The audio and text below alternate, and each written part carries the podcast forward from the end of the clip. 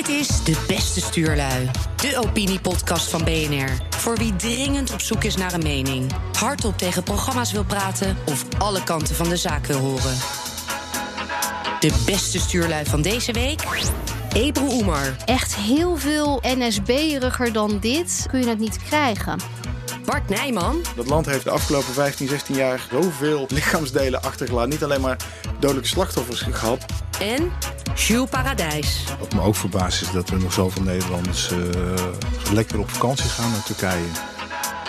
De ergernis van Bart. Mijn eh, ergernis deze week was de eh, demonstratie van Extinction Rebellion... die de hele dag de stadhouderskade bezet hielden. En dan niet zozeer het feit dat die lui daar wilden demonstreren... maar het feit dat het werd toegestaan dat ze daar de godganse dag hebben gezeten. Van s morgens zes tot s avonds na zevenen. Eh, en dat, dat getuigt in mijn ogen van onwil om ze daar weg te halen... omdat het GroenLinkse stadsbestuur hier in Amsterdam... het eigenlijk wel eens is met de boodschap van die lui... Wat ook een van de Amsterdamse GroenLinks-raadsleden twitterde dat hij het een indrukwekkende actie vond. Terwijl het in werkelijkheid zijn die lui van Extinction Rebellion die helpen helemaal geen enkele zaak. Dat zijn bij elkaar verzamelde gekkies, deels uit het krijkerscircuit, deels eh, met een beetje Occupy-banden. Er zitten verkapte socialisten, verkapte communisten of gewoon openlijke communisten tussen. En het zijn mensen die op straat gaan zitten schreeuwen om, om, omdat ze denken dat de aarde over 10, 20 jaar volledig vergaat. Dat de hele mensheid daarmee ook vergaat. Het zijn mensen die op geen enkele manier de klimaatdiscussie serieus aanvliegen. Op geen enkele manier behulpzaam zijn voor mensen die iets willen doen aan het klimaat. Die zich ook zorgen maken of bereid zijn om zich ergens voor in te zetten. Ze jagen alleen maar mensen weg. En toch zie je in deze stad dat. eh, eh, dat er een bestuur zit wat gewoon instemmend meejuicht met, met doorgeslagen hysterische ideologie. En dat is vrij tekenend voor hoe GroenLinks deze stad bestuurt, omdat ze ideologie bijna altijd boven rationeel stadsbestuur plaatsen. En daar heb ik me enorm aan geërgerd. Oh, ik denk dat vooral het stadsbestuur niet gereageerd heeft en de politie niet gereageerd heeft, omdat het te makkelijk is. Eh, het, ehm, eh, jij zei het zijn sympathisanten, maar dit zijn mensen die ze wel durven laten zitten. Dat, is, eh dat boeit ze allemaal niet zo. Ze vinden ze Ja. veilig en niemand klaagt behalve een paar automobilisten. Ja, maar ik, ik, had het gevoel dat ze dus de hele dag in beeld moesten blijven. Die actie Ja. moest gewoon duidelijk in beeld. Want uiteindelijk zijn ze gewoon om zeven uur van de stadhouderskade zo Ja. de DWDD-studio binnengewandeld. Waar ze eh, versterking kregen van Rutger Brechtman. Om uit te leggen dat wat zij deden ontzettend dapper en belangrijk was. Ja, Terwijl- dat is nog veel erger, dat de media het allemaal zo joehoe toejuicht en podia geeft. Ja, Dat- ja, want als dat een Pegida-demonstratie was geweest, dan had iedereen eh, in gillende paniek eh, om, om ME geroepen en, en om politieagenten op paarden. En dan had voor half zeven die kruising bij, de, bij het Rijksmuseum weer vrijgemaakt Ja. geweest. En dan hadden ze de rest van de dag schande gesproken over de zoveelste fascistische uprising. Terwijl, ja, ik wil, ik wil hier niet voor Pegida pleiten, want ze moeten voor mij allebei van de kruispunt wegblijven. Dubbele maar het verschil was wel weer vrij evident, inderdaad. Ja. Andersom, kijk, ik ben- het voor een groot deel met je eens hoor.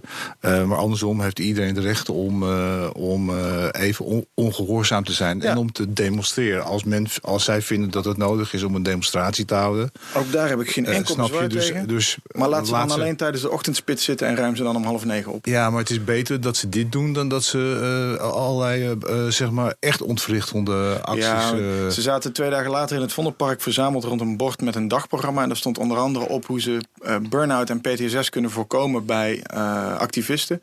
En ik dacht, er hoeft maar één iemand binnen te lopen met een praatlepel in zijn hand en het hele clubje valt weer uit elkaar. Dus wat dat betreft hoef je er niet zoveel van te vrezen, denk ik. ze zouden ook een week lang internationaal overal actie houden. En het enige wat je ziet zijn een paar scattered images van, van Gekkies. overduidelijk vrij verwarde mensen die een beetje gillen en dansen op straat. En dat gaat vanzelf wel weer weg. Ik snap dus, maar mijn frustratie is ook niet zozeer met dat clubje, maar gewoon met hoe dat eh, stadsbeleid hier eh, dit soort lui in de kaart speelt. In plaats van gezegd van ja, oké, je hebt je punt gemaakt, het is nu half negen, lekker naar huis. Terug naar Ja. bed, terug achter Ja. eh, whatever. Naar je eigen stad vooral. Terug naar de snoezelruimte waar je vandaan kwam. De ergernis van Jules. Nou, meer, meer een vorm van hypocr- hypocrisie die ik deze week ontdekte bij eh, het overlijden van Hanny Keizer en Ella Vogelaar. Eh, natuurlijk moeten mensen die, eh, eh, zeg maar, eh, eh, moeten met respect eh, dan ook herdacht worden. Maar wat me toch wel opviel eh, in het geval van Keizer eh, en ook bij Vogelaar, dat daar. Ja, dat er toch wel wat hypocriete reacties eh, ook waren. Deze twee mensen zijn eh, en bij de PvdA en bij de VVD natuurlijk keihard uitgegooid. Op een eh, manier die ja, bij de PvdA-top duidelijk afscheid wilde nemen van Vogelaar. En nu komen er allerlei er worden allerlei zinnen en, en worden er gebruikt hoe, hoe, hoe, geweldig ze was. en hetzelfde geldt voor Keizer. En denk ik, ja, ik vind het ook een vorm van hypocrisie. Ik weet dat het nodig is, maar dan nog ja, heb ik daar wel een beetje moeite mee. Omdat je, omdat je weet hoe het is gegaan. Het is geen ergernis, maar het valt me gewoon op. Ik denk, ja, misschien had je iets eerder uh, dat moeten uitspreken naar deze mensen. Dan hadden ze misschien op, toch op een andere manier nog... Ja, die dankbaarheid die erin zit, die, die, uh, die was er niet toen Henry Keizer afscheid moest nemen. En toen Elle Vogelaar, we weten het allemaal nog hoe dat ging. Uh, een, beetje ook zoals nu af en toe ook wel Femke Halsema wordt behandeld. zoiets van eindelijk is ze weg. En, dat, en natuurlijk was, speelde daar natuurlijk ook nog dat ze heel slecht optrad in de media. Ik denk, ja, heb ik wel een beetje moeite mee. Zij was een beetje, Ella Vogelaar was een beetje de Ingrid van Engelshoven van het toenmalige kabinet. Uh, laatste balkende was dat, of de ene laatste balkende. En het is twaalf jaar geleden dat dat bewuste geen stijl interview waarin ze zwijgend in de camera staat uh, uh, is gehouden. En er waren nu nog mensen die gewoon een rechte lijn trokken naar dat interview en haar uh, keuze voor zelfmoord. En ik van nou ja, dan. Dat is, dat is natuurlijk belachelijk. Dat was, ja, daar, ja. Daar, daar, moest ik wel. Ja, ja om, om lachen is misschien of nee, is nee, niet een goede reactie. Misschien niet precies wat ik bedoelde. Ik vind het heel sneu voor, voor haar dat ze in een depressie besloten heeft om zelf een, de hand aan zichzelf te slaan. Mm. Maar om, die, om, de, om de lijn door te trekken naar een interview wat wij gedaan hebben, waarmee, wij, waarmee geen stijl alleen maar aantoonde dat zijn politieke non-valeur was. Is natuurlijk wel. Ja, maar het is allemaal jullie schuld, hè? Ja, nou dat, dat vond ik, daar heb ik in dezelfde zin mezelf wel enigszins aan over verbaasd. En ook bij Henry Keizer dat hij uh, inderdaad met pek en veren buiten gegooid is. En dat hij ook een financieel uh, uh, fraudeur is geweest. En dat de, de VVD dan met zo'n hele, hele schijnheilige eulogy komt als hij is overleden. Hetzelfde PvdA die vandaag pagina groot in de Volkskrant, of in ieder geval in de, op de rouwadvertentie van de Volkskrant uh, een berichtje aan haar wijden. Terwijl het uiteindelijk Wouter Bos was die besloot dat zij uh, als minister niet geschikt was. Dat, dat heeft echt Rutger Kastrikum destijds niet bepaald. Nee, nee, nee, nee maar de, P, de PvdA-top heeft toen besloten dat ze beter kon, uh, kon stoppen als minister. En daar had natuurlijk wel het media-optreden ook mee te maken. Maar ook met haar gewoon zwakke, het zwakke, media-optreden was een gevolg van het feit dat haar een spindokter was toegewezen. Omdat ze zich niet goed wist te profileren ja. als minister. Ja. Daar werd in dat interview naar gevraagd. Daar gaf ze vervolgens letterlijk nul antwoord op. En dat was toen de doodsteek voor haar. Maar ik vind het altijd een beetje lastig dat, dat, dat de schijnheiligheid die natuurlijk, uh, uh, als je op het binnenhof rondloopt, is die uh, dus overal in elke hoek en elk, elk gat is dat aanwezig. En, en, en Totdat dit, je doodgaat, bedoel je? En, ja, en hier zie je dan, ze, ze, zijn met pek en veer de politiek uitgesmeten. met Henry Keizer uh, denk ik dat. Uh, zag ik trouwens ook nog dat Follow the Money, die dat verhaal uh, een paar jaar geleden heeft gebracht, wat hem ook ten val heeft gebracht, deze week nog even toch twitterde van als je alles wilt, over, wil weten over Hanny Keizer, kijk dan even hiernaar. Denk ook ja, ook als medium vind ik dat wat ongepast als je dat doet. Hè? Nou, ja, vind je? Ik, vind, ja, vind ik wel... Nou, dat vind, daar heb ik moeite mee. Waarom? Want je krijgt dan wel een volledig beeld in plaats van alleen maar wat, wat je nu zegt. Een vorm van bosklopperij. Uh, oh, zo zag ik het niet. Waarbij, je, waarbij, nou ja, goed, volgens mij moest Keizer nog voor de rechter komen. Uh, was die zaak, was die zaak nog, nog niet afgedaan. Maar, maar, maar dan denk je, ja, oké okay, jongens. Uh, ik heb, ik, heb, ik heb een probleem mee. Dat je zo inderdaad een pagina in de Volkskrant, Vogelaar. Als je kijkt naar Keizer, wat de VVD heeft geroepen. Nou, ze waren eigenlijk blij op dat moment dat ze van hem af moesten, uh, dat ze afscheid moesten nemen. Ja, en dan, en dan nu dit. Ik snap het wel, maar dan toch. Ik wil nog één ding zeggen over Ella Vogelaar. Wat mij vooral raakte in het bericht was dat ze uh, het zelf had gedaan. En naar aanleiding van een depressie. En dat dat, dat dat er zo expliciet bij stond. En dat een gevolg van depressie uh, tot de dood kan leiden. Dat dat benoemd werd, vond ik uh, confronterend. En ook ergens wel sterk. Ja. ja, dat. Ja, ja, ja, ja, dat je dat expliciet benoemt. Ja. ja vond ik ook. Ik denk dat dat tot meer terughoudendheid geleid heeft dan het zou hebben als ze dat niet erbij hadden vermeld. Omdat mensen haar toch ook. Kijk, je hoeft niet achteraf te roepen dat het, dat het zo'n schitterende vrouw was. Die zoveel voor de sociaaldemocratie betekend heeft. Want dat was ze politiek niet. Maar de, de kans op het internet dat het het andere uiterste is. Omdat ze denken, oh, dat is die prutsminister van toen. Is ook, een, is ook groot. En ik denk dat dat door dit expliciet te vermelden. Mensen zoals ik hadden van, oké, dit is wel heel tragisch. Laten we maar even gepaste afstand bewaren. De ergernis van Ebro. Mijn frustratie van de week betreft uh, een man die eigenlijk uh, geen aandacht hoort te krijgen. Maar ik heb erover nagedacht. Zijn, zijn daden zijn dusdanig dat ik vind dat je er niet genoeg over kunt praten. Het gaat om uh, voormalig PVV'er Arnoud van Doorn. En die man is tegenwoordig uh, iets in de islam. Woordvoerder van alles wat maar islamitisch, uh, moslimachtig is. En op zijn Twitter profielfoto staat hij erbij met een ringbaardje en een gehaakt mutsje. Dus hij is echt compleet van een doodnormale Nederlandse tokkie doorgeslagen naar een uh, salafistische tokkie. En um, hij heeft het gepresteerd om afgelopen week een tweet uh, de wereld in te sturen in het Turks. Uh, een, ik denk dat het een Google Translate Turks is. Want ik denk dat ik het net iets beter zou kunnen doen. Niet heel veel beter, maar echt heel erg goed Turks lijkt het niet. Maar hij um, in die tweet wijst hij op het bestaan van Celal Altuntaş. Dat is een uh, auteur in Nederland van Koerdische komaf. En hij zegt van uh, dit is een uh, terrorist. Hij is uit Turkije ontsnapt en hij verafschuwt Erdogan. En in de Nederlandse media doet hij niks anders dan kwaad spreken over Turkije en over de politiek daar. Jammer hoor. En echt heel veel NSB-eriger dan dit en bedreigender dan dit kun je het niet krijgen. Dat je willens en wetens iemand op het, uh, onder, het, onder de aandacht brengt, in het Turks notabene, met als enige bedoeling om die man te schaden. En dan niet eens schade in financiële zin of zo, of in uh, ja, financiële zin of commerciële zin, maar echt in persoonlijke zin. Die man, er is geen enkele Turk of Koerd of Turks sprekend iets wat naar Turkije gaat en met een profiel in Nederland, die dat veilig kan doen. Iedereen kan bij de grens al opgepakt worden. En als je dan opgepakt wordt, is het maar de vraag of je er ooit nog uitkomt. En die Arnoud van Doorn, die um, heeft zoiets willens en wetens. Um, nou ja, als je zegt geprobeerd te initiëren, is denk ik wel het enige ware. Maar hij zal het altijd ontkennen. Ik vind het ontzettend fout. En wat ik nog veel fouter vind, is dat we als Nederlandse overheid, dat de Nederlandse politiek nog steeds geen antwoord heeft. Uh, richting al die Turken die anderen aangeven in Turkije. Het gebeurt, het kan, het mag. En er is geen adequaat Turks antwoord op. De Turken in Nederland worden er niet op aangesproken. Uh, de Turken in Turkije met uh, voorop staand Erdogan worden er niet aangesproken. De Turken zijn vogelvrij. Zowel degene die klikspaan willen spelen als degene die aangegeven worden. Er is geen antwoord op en er moet een antwoord op komen. Ja, je hebt helemaal gelijk. Maar wat me ook verbaast is dat er nog zoveel Nederlanders uh, lekker op vakantie gaan naar Turkije. Uh, het zal wel gratis zijn. Terwijl zeg maar, in het verleden hebben we natuurlijk allerlei acties gehad. Uh, destijds met Spanje. Boycottacties. We hebben natuurlijk Zuid-Afrika hebben we in het verleden ook, ook gezien. En nu hoor je helemaal niks. Uh, nee, we gaan gewoon nog lekker twee weken naar de zon. terwijl we hier praten over, nou ja, we, over een ja, misdadig regime. Totalitair ja. schurkenstaat.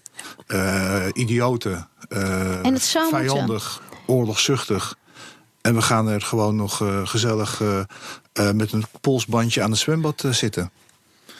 Ik ben er nog nooit geweest en ik heb er niet zo'n behoefte aan ook inderdaad. Ja, die Arnold van Doren is een beetje wat je ophoest nadat je in een boterham met leverworst verslikt hebt. Qua, maar hij leeft. Hij ademt ja, wel. Dit is gewoon zijn hele, zijn hele modus operandi is, is dit. Hij is altijd zo aan het trollen en aan het uitdagen en aan het testen. Maar inderdaad, in dit geval is hij wel ook voor, zelfs voor zijn doen weer een grens overgegaan. Waarin die Jalal uh, uh, op een, op een uh, nou ja, het is intimiderend omdat we weten, omdat we gezien hebben in de afgelopen paar jaar dat er in Nederland ook veel Neder-Turken bereid zijn om met een Turkse vlag in de hand voor Erdogan op een brug te gaan staan of op een plein te gaan staan. En als je dan ook expliciet ervoor kiest om zo'n tweet in het Turks te plaatsen. Ja. dan, dan staat daar eigenlijk letterlijk van spoor deze man op en school hem eens bij. En dan niet in de goede zin, zeg maar. Ja. Dat, dat ja, en dat daar wat Nou, Jules zegt... heeft aangifte gedaan tegen hem. En, eh, Ja, maar je, we je doet weten niks dat met dat aangifte. Nou, er zou inderdaad meteen een soort respons moeten komen. Er zou vanuit een, Ja. een eh, zeker omdat Arnold van Doorn ook nog eens, dat heb je nog niet eens vermeld, een actief raadslid is namens de Partij voor Ja. de Eenheid nota bene, waarin hij het heen is, een duo-raadslid samen met zijn vrouw, geloof ik, in Den Haag. En dan zou toch op zijn minst iemand in Den Haag moeten zijn die zegt van luister, als jij als politicus, politicus zo gedraagt, dan gaan wij jou eens even terugfluiten, vriend. En dat gebeurt inderdaad niet. En dat maakt dit soort dingen zo frustrerend. Maar, Kijk, Jules die zegt, al die Nederlanders gaan nog steeds op vakantie naar Turkije. Dat is één ding. Ik denk dat mensen altijd voor een portemonnee kiezen uiteindelijk. Maar wat nog veel erger is, is dat de Nederlandse overheid geen negatief reisadvies geeft. Want ze kunnen al die mensen die opgepakt zijn helemaal niet bijstaan. Ze hebben helemaal geen jurisdictie in Turkije. Ze doen ook niks. En er zijn alleen maar klachten over eh, eh, de ambassades daar. Dat ze niks doen. Maar ze kunnen helemaal niks doen. Je zou als Nederlandse overheid helemaal niet moeten willen dat deze mensen daarheen gaan. Want je hebt geen poten op te staan, maar je hebt wel Maar, maar zou het ook niet beter zijn voor de samenleving en voor, voor, voor je gemoedsrust? Dat of je nou links, rechts of, of aan de religieuze kant zit, eh, dat je soms even je mening eh, wat polijst. Voordat je eh, met dit soort provocaties naar buiten komt. Ik denk Tenzij het expres doet natuurlijk. ja, is- maar dat is dan een hele Van irritante, onvolwassen eh, manier van eh, leven en met, je, en met je verantwoordelijkheid omgaan. Ja. Want daar wordt echt niemand beter van. Jijzelf ook niet. Nou, hij, ik denk dus wel dat hij er beter van wordt. Zijn En ik weet wel, niet ja. of het waar is, want daarna postte hij nog een tweet van eh, zijn nieuwe auto. En dat was een Mercedes AMG. Ik weet niet of het waar is, hè? Maar zei: Mijn zoon is erg blij met mijn nieuwe auto. Ik denk, nou, ik eh, ken ze niet hoor, de normale belastingbetalende burgers eh, in Ja, normale baantjes Eh, met een Mercedes dit is en AMG's. speculatie, zeg Ja. ik er als hele duidelijke disclaimer bij. Maar er gaan langer al geruchten dat hij door Qatar betaald wordt. Dat, zal hij, een, hij is een soort VVV Qatar in, in Den Haag. Schijnt, zegt men. Maar ik heb Het daar geen enkel bewijs voor. Ik heb alleen maar eh, circumstantial en roddels. Dus eh, Maar dat zou wel die, eh, als het waar is dat het inderdaad zijn auto is. Maar ik snap niet waarom je een andermans auto als jouw auto eh, op Twitter zou posten. En zou zeggen dat je zoon er blij mee is. Dan verklaart het die auto wel, ja. Nou past, zou wel ook weer een beetje in zijn psyche passen, denk ik. Want het is Ja. natuurlijk een fantast van de bovenste plank. Die, eh, hij verzon ook recentelijk dat hij eh, directeur van het Haga Lyceum in Amsterdam zou worden. Waar van alles misgaat en waar eh, de overheid nauwelijks over de drempel durft te komen. Eh, dus, Zieke mensen in publieke functies, hoe dan? maar ja, het is, kijk, het is, eh, die man is vaak vermakelijk. Want ik moet vaak wel een beetje grinniken om zijn idioterie. Omdat het zo'n opzichtige mafkees is. Alleen als hij dus andere mensen gaat bedreigen of intimideren. Dan is dat inderdaad een grens die best wel eens wat beter bewaakt zou mogen worden in sommige opzichten. Dus het is voor Cello alleen maar te hopen dat zijn aangifte snel wordt opgepakt. De kwestie. De stuurlui op hun best. Now, the Kurds are fighting for their land, just so you understand. They're fighting for their land. And as somebody wrote in a very, very powerful article today, they didn't help us in the Second World War. They didn't help us with Nor- Normandy, as an example. They mentioned names of different battles. They were there, but they're there to help us with their land. De bokkensprongen van Trump. Van impeachment tot Syrië. Eh, Het is duidelijk de bokkensprongen van, van Trump. Eh, Gisteren eh, bij CNN zat de oud-veiligheidsadviseur van Obama, mevrouw Rice. En die vroeg zich af wat, wat Trump tegenwoordig rookt. Eh, en het is duidelijk dat eh, vanochtend ook trouwens weer bij Morning Joe, dat is een ontbijtprogramma, eh, waarbij ze aangaven dat de polls steeds meer negatief zijn voor, voor Trump. En dat hij dus op een ongelooflijke manier in paniek is vanwege die impeachment. Maar, maar, en ook dingen dus doet. Dus afgelopen zondag een telefoontje met Erdogan. Waarbij we nu op dit moment ja, mensen in. in in Noord-Syrië. eh, waar doden vallen, eh, waarbij Erdogan met zijn leger binnenvalt. waarbij mensen, waarbij Koerden die dan de kastanjes uit het vuur hebben gehaald.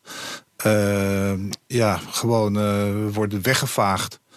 Ja, als dat allemaal zeg maar de uitkomst is van, een, van, een, van het gedrag van een president van, van, het, van het belangrijkste land ter wereld, dan hou je hart vast van hoe lang gaat dit nog duren? Hebben we, nog, eh, we hebben nog anderhalf jaar te gaan. Eh, waarbij, eh, waarbij die man, in, wat mij betreft, en ik, in, ik, ik geef ook toe dat ik misschien drie jaar geleden er iets anders in stond. Wat mij betreft, een volslagen gek is. Die zo snel mogelijk weg moet. Uh, die uh, moet worden opgevreten door de democraten. Uh, die die schade aanbrengt aan, aan de status van de Verenigde Staten als, als politieagent in de wereld. die met idiote vergelijkingen komt inderdaad als het gaat over de Koerden op D-Day. Ja, die waren daar inderdaad niet.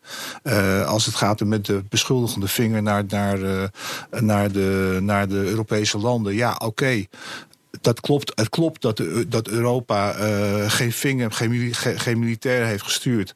Dat klopt allemaal. Maar dan nog uh, hoor je daar als president van dit prachtige land erboven te staan. En wat je ziet is dat, het, dat, dat hij op dit moment zo aan het doorslaan is.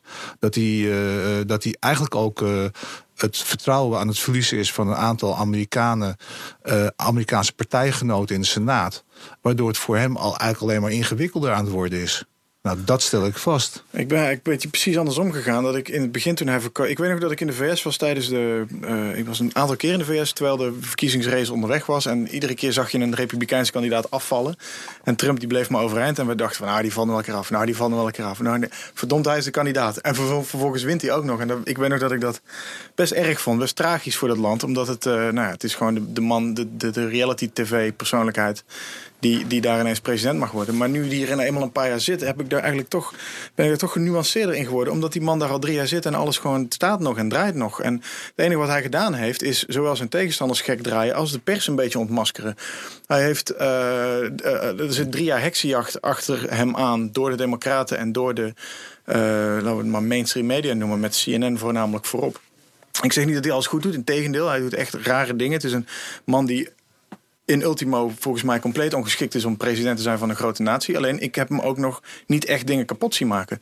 En nu ook deze volgende impeachment poging is weer uh, vooral heel veel talking points van de democraten die gewoon heel vaak willen roepen. We zijn hem aan het onderzoeken. Uh, hij heeft misschien strafbare feiten gepleegd. Onderzoek moet dat uitwijzen. Dan beginnen we een impeachmentprocedure. Die, dat zijn woorden die moeten resoneren in de aanloop naar de volgende verkiezingscampagne, naar de volgende verkiezingen. Uh, die maar moeten blijven suggereren dat de man iets verkeerd gedaan heeft. Maar alles wat ze over de afgelopen jaren tegen hem aangegooid hebben, van Russia collusion onderzoeken tot, uh, tot allerlei schimmige handelingen die hij verricht zou hebben, daar is niks van blijven plakken. Daar is niks van doorgezet. Ondertussen heeft hij nou ja, af en toe toch maar wel behoorlijk aan het lachen gekregen met de manier waarop hij reageert op die dingen. Zijn Twitter-account is gewoon een feest. De man leeft er in een soort postmodern tijdperk. Ik denk dat het een troll is af en toe. Waar zijn eigen haters kunnen er gewoon niet meer over weg. Je ziet dat nu ook weer bij de democraten. Die proberen uit alle macht iets te vormen. Uh, en, en, en, die stellen zichzelf allemaal kandidaat als de tegenstander van Trump. Maar niemand heeft een idee wat die mensen zelf eigenlijk willen. Ze zijn alleen maar Trump aan het aanvallen. Ze kunnen zich niet op zijn niveau meten. In zijn postmoderne, uh, bijna postdemocratische manier van doen. Een postfeit wereld ook. Nogmaals, het is niet goed als president, maar het is verdomme wel echt een fijn vermaak. En dan even naar het serieus onderwerp nog, naar, naar Syrië. Uh, het is uh, tragisch dat die Koerden in de steek gelaten worden. Maar Trump is destijds ook verkozen op de boodschap dat hij vindt, dat en hij vindt dat al heel lang, dat Amerika niks te zoeken heeft in het Midden-Oosten. Daar weg moet en daar weg zal gaan onder zijn leiding. dat is hij nu aan het doen. En het is ontzettend tragisch dat hij de Koerden daarvan nu aan het kortste eind trekken. Omdat die ons inderdaad geholpen hebben met het uh, verwijderen van ISIS of met het bestrijden van ISIS. Uh, ze hebben daar zelf ook zwaar onder geleden. Ze weten wat voor gevaar Turkije voor hen is. Want uh, Erdogan, als hij, als hij met één bom het op kon lossen, zou hij dat gisteren al gedaan hebben. Uh, zeker nu de Amerikanen daar weg zijn. Al. Maar hij doet, uiteindelijk voert hij uit wat hij beloofd heeft, namelijk weggaan naar het Midden-Oosten. En ergens moet je ook, uh, hoe tragisch alle slachtoffers en burgerslachtoffers en het weer oplaaiende conflict daar ook is, toch de vraag stellen: is dit niet uh, op de langere termijn verstandigst om te doen om ons daar helemaal weg te halen? Omdat wij nu al sinds de invallen in Afghanistan en Irak de splinters van die Midden-Oosterse conflicten zien neerregenen overal in de wereld in de vorm van aanslagen en massamigratie en vluchtelingenstromen. En misschien dat als het Westen zich terugtrekt uit die gebieden, dat het dan toch een begin zou kunnen zijn van een afkoeling in die regio. Waarin ze het in ieder geval onderling een keer uitvechten. En wij er wat minder last van hebben, zeg ik daar heel egoïstisch achteraan. Ik heb niet zo'n hele hoge pet op van de mensheid. En uh, in dat opzicht ben ik heel erg blij met Trump als president ja. van Amerika. You get what you deserve. Ja, en uh, ik denk, het stemt me ook hoopvol. Al die mensen die president van Amerika zijn, zijn gewoon goede acteurs. Uh, en ze hebben nu eentje gevonden die meer zichzelf is omdat hij acteur is. En die niet in het, in het stramien past. Is het goed voor de positie van Amerika in de wereld, voor het aanzien van Amerika, nou dan is dat misschien nee. Is het goed voor uh, entertainment op Twitter? Dan is het dat zeker. Moet je dat willen? Nou ja, dat is een, een andere vraag. Um, maar on a serious note, uh, Noord-Syrië, het feit dat hij daar weg wil, dat, dat hij de Amerikaanse troepen daar weg wil hebben, is natuurlijk zijn, of zijn goed recht. Ik, niemand wil zijn mensen daar zien sterven. We willen allemaal onze IS-strijders daar zien sterven. Maar die gaan we nu allemaal, ja, maar die gaan we allemaal terugkrijgen nu. Als we dat niet willen, dan moeten we daar iets tegen doen. En dit is weer zoiets waarvan niet alleen onze overheid, maar alle Europese overheden, de hele Europese Unie, heeft geen antwoord op wat zich daar afspeelt. En met de splinters, zoals Bart het noemt, van de ellende daar, hoe die op ons neerdalen. Ze weten het niet. Ze worden ervoor betaald om er wel een oplossing voor te vinden. Die hebben ze niet. Er zitten daar gewoon IS-strijders die we niet terug willen. En de Koerden willen ze niet. We worden gechanteerd inderdaad door Erdogan. En Trump zegt: het is jullie probleem, het zijn jullie mensen. En uh, het zit dichter bij jullie dan dat het bij ons zit. Dus los het op. En dan denk ja, los het op. En wij zijn heel erg bang voor Erdogan. Voor de 3,6 miljoen uh, Syrische vluchtelingen waarvan hij dreigt dat ze deze kant uitkomen. Nou, kom erop. Kom erop. Als we die 3,6 miljoen niet meer kunnen hebben, dan weet ik het ook niet meer. Maar we moeten de grenzen gesloten houden voor al die IS-strijders. En die Koerden, die verdienen gewoon een eigen land. Die verdienen een eigen streek, een regio, een whatever. Wat ik niet snap, is hoe het kan dat Turkije daar een safe zone mag neerzetten. Maar dat het blijkbaar onmogelijk is om die safe zone dan Koerdistan te noemen. En ook dat Amerika zich daar terugtrekt, maar de NAVO niet in dat gat springt. Ik bedoel, als wij, het is het artikel 5 verhaal toch? Ik bedoel, als Amerika het niet doet, dan zullen, we, dan zullen wij het moeten doen. Alleen ja, het probleem is natuurlijk dat Turkije staat NAVO-bondgenoot tegenover ons. Dat, nu, Hoe dan? Hoe kunnen wij een NAVO-bondgenoot Je kan daar niet toestaan? alleen Trump de schuld van geven toestaan dat hij daar gewoon een volkgemoord pleegt. probleem is Staan erbij, kijken naar. Maar kijk, ik ben echt met stomheid geslagen hoor. uh, misschien dat het wat aan de jeugdigheid van de gesprekspartners ligt. Maar ik heb, ik heb, het, ik heb het gevoel, uh, ben nu uh, 58. Uh, en ik, ik snap het entertainment deel, maar dat mag nooit doorslaggevend zijn in je beoordeling. En wat hier gebeurt, is is op zondagavond is een telefoontje. Naar aanleiding van een gesprek wat al eerder was gevoerd bij de Verenigde Naties. Uh, over uh, die inderdaad die strook in het noorden van Syrië. Van eigenlijk wil ik, Erdogan, mm. ik wil eigenlijk dat gebied wil ik gaan gebruiken om daar de vluchtelingen, Arabische vluchtelingen en ook Syriërs, mm. om die daar naartoe te brengen. Uh, er komt en dat geloven we. Zondagavond is er een telefoontje. Het wordt getwitterd. En drie dagen later vallen dus de eerste bommen. en dan kun je afvragen van... ja, en dan komt de reactie van Trump van... nou, nee, ik vind het... Uh, ik, ik, ik, ik molesteer de hele Turkse economie als, als ze dat gaan doen. Ja. En de laatste tweet, hier, tweet, tweet hierover is dan van... nou, het is niet fijn wat hier gebeurt. Ja, ik bedoel, het, het, heeft iets te maken met zijn geestestoestand. Maar hoe kan het, uh, en, en, en, hoe kan het dat je het heel erg vindt wat eh, Trump allemaal doet daar... en dat hij zich wegtrekt of dat hij niet handelt? Hoe kan het dat... Uh, je niet de Europese overheid voordeelt dat wij dan maar niet inspringen daar. Hoe kan het dat, wij? Ja, nee, maar dat is niet. Maar dat, dat, staat, blijven maar dat staat even. Waarom doet een ander NAVO-land dat? Dat staat even los uh, van de beoordeling over hoe de president van de Verenigde Staten hoe die opereert. He, de, maar misschien maar, moeten we hem niet zo belangrijk maken. Want we ma nou, hij is ja, belangrijk. Dat, hij ja. is belangrijk omdat we hem belangrijk maken. Want hij is de president van Amerika. We maken hem belangrijk omdat we dan met z'n allen onze achter kunnen verschuilen. En nou gaat nou, hij stapt opzij en nou, los het dan zelf maar op. Maar hoe denk je dat de Koreaanse oorlog was afgelopen? Op het moment dat de president toen had gezegd van ja, de Koreanen stonden eigenlijk ook niet bij doof of bij, uh, ja. bij, bij D-Day. Ik bedoel, het is een vorm van isolationisme. Uh, wat, wat, wat eigenlijk niet past als je zo ook zulke economische belang hebt in de wereld. He, want we praten over een, inderdaad een, een kruidvat met, met een uh, thee. waarbij je toch het gaat om duizend man die er zitten. Waarbij je zegt van nou, misschien is het verstandig om toch inderdaad, als Europa niet wil, als Europa verzaakt, door wat voor reden dan ook. Het zijn mm. inderdaad laffe, ook Nederland, laf, laf, laf. Hè, want ja, we gaan onze vingers niet aan branden. Hè, maar dan nog, binnen een week, uh, na dat telefoontje op zondag. Uh, moeten mensen nu uh, vluchten? er zijn doden gevallen. Maar er zijn hele makkelijke antwoorden op. Hè? Um, als wij laf willen zijn en niet, uh, niet daarheen willen gaan met de Nederlandse militairen, zou je ook kunnen zeggen: we, we pakken Erdogan in Nederland, in Europa op iets waardoor hij rechtstreeks geraakt wordt. We pakken alle Turken hier in Europa hun Nederlandse en Europese nationaliteit af. We sluiten alle dieren. We sluiten alle grenzen, weet je, whatever. We sturen iedereen terug. We, we, we doen iets wat misschien niet mag, uh, juridisch, maar wat wel een impact heeft. Nou ja, we hebben, raak je meteen inderdaad, wij willen altijd roomser dan de paus zijn. Dus ja. dan gaan we altijd heel erg foei roepen als iemand iets doet wat eigenlijk van de regels niet mag. Foei roepen is heel makkelijk. zijn wij niet bereid om zelf ook gewoon één of twee regels. Ja. Van oké, als we het zo gaan spelen, dan zullen we kijken wie aan het langste eind trekt. En als je dat collectief doet, dan kun je volgens mij best wel eentje komen. Een soort van brexit. Want zo'n Erdogan die denkt ook alleen van oké, nou ze roepen wel iets over een rode lijn, maar à la Obama destijds in Syrië, die rode lijn wordt overschreden en er gebeurt niks. En de volgende rode lijn wordt overschreden en er gebeurt niks. En nu zitten we met z'n allen te gillen dat het de schuld van Trump is omdat hij wat van zijn mensen heeft En Erdogan gaat zijn gang omdat Trump heeft gezegd: uh, ik ben weg, maar ik zal tegen je optreden en hij doet het dus niet. Maar Erdogan gaat zijn gang omdat ook wij niks doen. En ook de rest van de wereld niks doet. Nou, Nederland heeft dus net uh, het conflict weer bijgelegd. Hè? Het diplomatieke conflict. Dus, dat, uh, dus dan kunnen we dat weer even oppakken.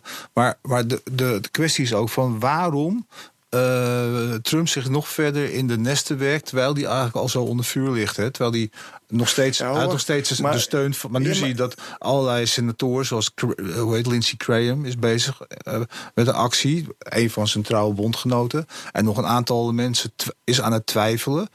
Dus, waar, dus ja, het is ja, uiteindelijk is het wel de kiezer die bepaalt en niet de senatoren. Oh, ik ben er heilig van overtuigd.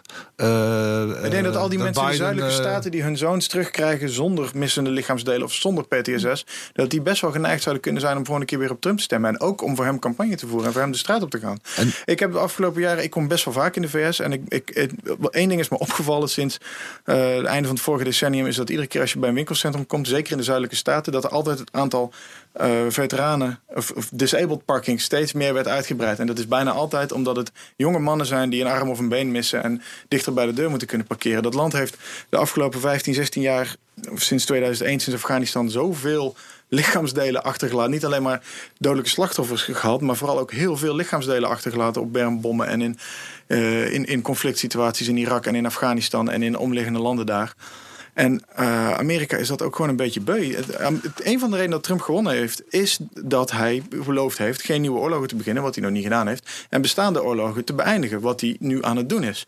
Ik denk dat het voor hem uh, een hele rationele afweging is, die kijkt naar de kiezer en niet naar wat het nieuws zegt, de polls zeggen of zijn uh, republikeinse achterban in Den, Haag, of in Den Haag, in Washington. Maar rationele afweging dat, dat, wij, dat weiger ik echt te geloven. Bij hem? Ja, dat kan ik me goed voorstellen. Want de man is, de man is uh, nogal ad hoc. Maar uh, toch denk ik dat er ergens iets van ratio onder zit. Onder, hij heeft toch gewoon ooit dingen gezegd. En hij is één voor één al die dingen aan het waarmaken. Ook die muur die, die toch langzaam aan het bouwen is. De man is echt één voor één die verkiezingsbeloften aan het aftikken. Ja, maar het is heel Er zit toch een ratio achter. Het zal onze ratio niet Zelfs als je conservatief, rechts of liberaal of gezond verstand uh, bent... Nou, uh, ik, ik, plaats mezelf even in die categorie. Uh, is het idioot als iemand zegt van nou, we gaan even bij de grens van Mexico. Uh, gaan we een, een pool maken met krokodillen erin? Of we gaan zeg maar de vluchtelingen of de. de... Turkije heeft grens met Syrië, dus waarom is het niet ik zeg gek niet dat, het een goed idee is. Ik, ik weet niet of, die, of de muur een goed idee is. Ik snap wel de behoefte om een, om een migratiebeperking of betere migratiecontrole te hebben. Ik weet niet of de muur een goed idee is. Ik zeg dat het een belofte is die hij aan het uitvoeren is. Nou, maar ik, ik wil, ik wil echt even. Sorry Bart, ik wil even iets anders hebben. Noord-Syrië. Eh, Turkije heeft een uh, grens met Noord-Syrië en een, een, een, muur, een echte muur. Dat vind, daar durft niemand iets over te zeggen. Maar als er een grens met Amerika en Mexico gaat, dan is het opeens wel. Dat, dan is het foei. Waar, waarom? Israël heeft een muur met Palestina gezegd. Daar was ook een hoop ophef over. Maar die heeft wel effect gehad. heeft wel geholpen om minder geweld te hebben in dat gebied. Dus het is per situatie verschillend. Maar het enige punt wat ik wilde maken is dat Trump dingen beloofd heeft die hij gewoon één voor één aftikt en uitvoert tijdens zijn presidentschap. Los van een oordeel daarover en los van hoe dat, ding, dat soort dingen uitpakken. Want misschien pakt die situatie het wegtrekken uit Noord-Syrië wel desastreus uit en wordt het alleen maar erger. Maar misschien ook niet. Het enige wat ik constateer is dat hij doet wat hij ooit beloofd heeft. Ja, en nee, dat, maar- en maar dat, dat ik- is en dat, niet, ik- dat, dat is- dat hij, eh, in lijn met wat Ebro zegt, eh, dat zijn goed recht is om te zeggen: ik heb daar genoeg mensen verloren. Maar als We je doet wat je beloofd bent, eh, hebt, dat is nog niet een garantie voor, goede resultaten. Hè? Nee, nee, maar dat, want, dat is wat ik letterlijk zeg. Want ik kijk, naar wat hij beloofd heeft als het gaat over die, inderdaad die muur die er niet is gekomen. als, het gaat als het gaat over de, de belastingverlaging die... eh, nou, dat zal ook wel eh, nog verder blijken. Die eh, ja, op korte termijn misschien alleen voor de bovenlaag eh, po- Eh, hoogste werkgelegenheidscijfers, eh, hoogste werkgelegenheid. Oh ja, maar dat is laagste Ja, werkloosheidscijfers. ja, voor maar de- dat, voor de- nee, je de- moet uitkijken dat je hem niet eh, eh, herhaalt. Want dat is wat hij ook zegt. Maar als je kijkt naar eh, Duitsland, als je kijkt naar, naar Nederland, als je kijkt naar de grote economieën, gaat overal erg goed hoor. Duitsland is Ja. aan het stagneren, las ik van. Ja, dat is nu. Hè, maar maar het, het gaat ook stagneren in Amerika. Eh, Ik bedoel, kijk naar, kijk naar Nederland. eh, vandaag winst, winstwaarschuwing van Philips. Hè, dus ja, we komen, we komen ongetwijfeld weer in een vorm van... Ja, eh kon je... Maar ik praat hem niet naar. Die cijfers die kloppen. De, de werkloosheid onder African Americans is lager dan ooit. Dat, heeft hij, dat verzint hij niet, dat is zo. En of hij daar dan een invloed op heeft en of dat dan blijvend ding is, dat weet ik niet. Maar in, eh, het, het- hij kan wel claimen nu dat het eh, mede dankzij hem is. Zoals alle politici, zoals Rutte ook altijd claimt dat iedere, iedere milli-percentage economische groei dankzij VVD-beleid is. En zodra er een, een, een politiek of een president zit of een, of een kabinet zit waarbij het slecht gaat, ja, dan gaan ze externe oorzaken zoeken waarom het niet aan hen ligt. Dan Ja. zal Trump ook roepen: komt door China, noem maar wat. Ik zeg niet dat ik Trump geloof. Ik, Trump is een aardsleugenaar. Een pertinente leugenaar die, over, die alles liegt, bedriegt, verzint. En ook niet te beroerd is om zijn eigen directe opponenten op, op vrij schandalige wijze te kakken te zetten. Maar dat wil niet hij- zeggen dat hij de handelingen die hij uitvoert niet op Nou hun ja, eigen merites moet kunnen te beoordelen. kakken, te kakken te zetten. Hij, hij, ja, het is nieuws van vorige week, maar wat hij doet is... hij probeert rots, zeg maar... eh, zijn directe concurrent eh, Biden probeert hij eh, ellende uit de Oekraïne en China, weet ik veel waar in Italië. sinds- sinds hij dat gedaan eh, heeft, sinds hij dat- politiek. Ja, nee, dat, En, dat en, is... maar het, het, ja, het dus- ging, het ging Ja. erom dat Ja. hij, hij zou Oekraïne geld geven. Oekraïne krijgt zoveel eh, tientallen of honderd miljoen dollars... of een soort ontwikkelingshulp. En in ruil daarvoor wilde hij iets. Nou, ik vind het A, niet raar dat je iets eh, vraagt in ruil voor gratis geld. En eh, B, die zoon van Joe Biden, wat heeft hij te zoeken in Oekraïne? Eh, er zijn sindsdien over Joe Biden zelf ook. Die, Biden heeft daarop gezegd: Ik heb daar nooit mee te maken gehad, niks meer gezien. Er duiken prompt duiken de foto's op dat hij met Oekraïnse energiemensen en zijn eigen zoon op de foto staat. Er is daar wel iets aan de hand. Nou, maar dit is ook een beetje vind dat- complottheorie. ik vind Complot, dat- dit is complottheorie. Nee, want die foto's zijn er je ziet in feite gewoon, nee, nee, maar je ziet in feite gewoon de, de campagne uit eh, 2016 wordt gekopieerd. Er wordt weer eh, rond, de, eerst was het Hillary en nu is het Biden. Maar waar het natuurlijk om gaat, de kern is natuurlijk dat de, een Amerikaanse president aan een andere staatshoofd vraagt om, eh, om informatie, of hij vraagt hem eigenlijk om, om, om hem te gaan onderzoeken, om zijn concurrent te gaan onderzoeken. Eh, en, en dan is dat, dat is nogal, nogal uitzonderlijk. Dat, Ja. Het zou heel raar zijn al op het moment dat Rutte, eh, zeg maar, als er iets over eh, zou spelen in België of in Frankrijk. Dat Rutte aan Macron zou vragen: eh, kun, je mij, kun je misschien eh, meneer Asscher durf gaan stellen dat, eh, dat, dat gezond hij dat zou doen, dat, eh, alleen dat het lijntje niet terug te herleiden is. Dit was weer een aflevering van De Beste Stuurlui. Een opiniepodcast van BNR. Alle afleveringen zijn terug te luisteren op bnr.nl slash podcasts, iTunes en Spotify. En hou je roer recht.